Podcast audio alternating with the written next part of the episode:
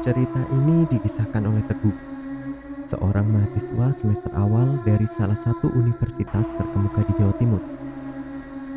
Kebetulan, Teguh adalah mahasiswa perantauan yang tentu saja memerlukan tempat tinggal di kota di mana ia menimba ilmu. Singkat cerita, setelah ia mencari ke sana kemari, akhirnya ia pun mendapatkan tempat kos dengan harga yang murah. Bahkan, di bawah harga rata-rata tempat kos di area tersebut. Tempat kosnya memiliki tujuh kamar. Dan entah kenapa, pemilik kos memberikan kamar nomor tujuh yang letaknya di pojok lorong deretan kamar kos.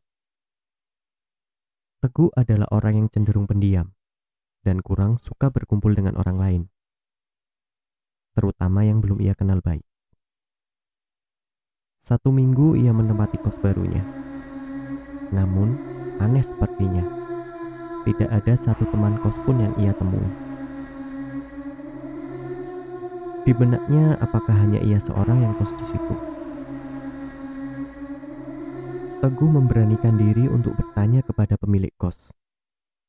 Namun, jawaban dari sang pemilik adalah para penghuni kos yang lain sedang pulang kampung. Karena memang mayoritas adalah mahasiswa semester akhir yang tinggal mengerjakan tugas akhir saja. Teguh pun sedikit lega mendapat jawaban dari sang pemilik kos.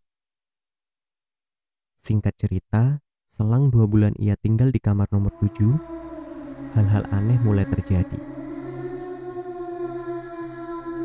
Saat itu malam sekitar pukul delapan. Teguh sedang bermain game kesukaannya.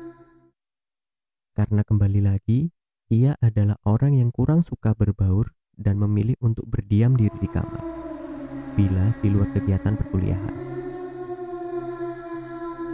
Saat asik bermain game tersebut, ia tiba-tiba merasa ada yang mengawasinya dari luar jendela. Aneh. Perasaan itu tiba-tiba datang dengan sendirinya. Teguh pun mengecek jendelanya. Kosong. Tidak ada apa-apa atau siapa-siapa. Saat ia berbalik badan ke arah tempat tidurnya, ia sangat terkejut karena terdapat sosok putih seperti guling di atas ranjangnya. Ia kaget bukan main, karena memang spray kasur, bantal dan gulingnya adalah berwarna biru. Ditambah lagi, lampu di kamar Teguh adalah lampu tidur remang-remang yang memang menjadi kebiasaan Teguh saat malam, menggunakan lampu tidur saja.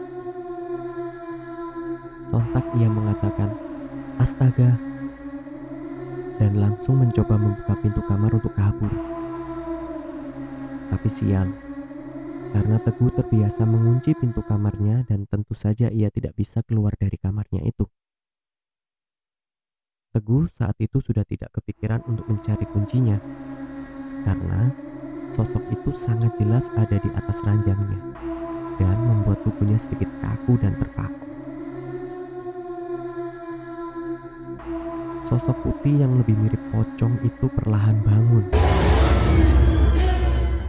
Tidak terlihat wajahnya karena memang hanya seperti bungkusan kain kafan warna putih yang membungkus dan menutup seluruh tubuhnya.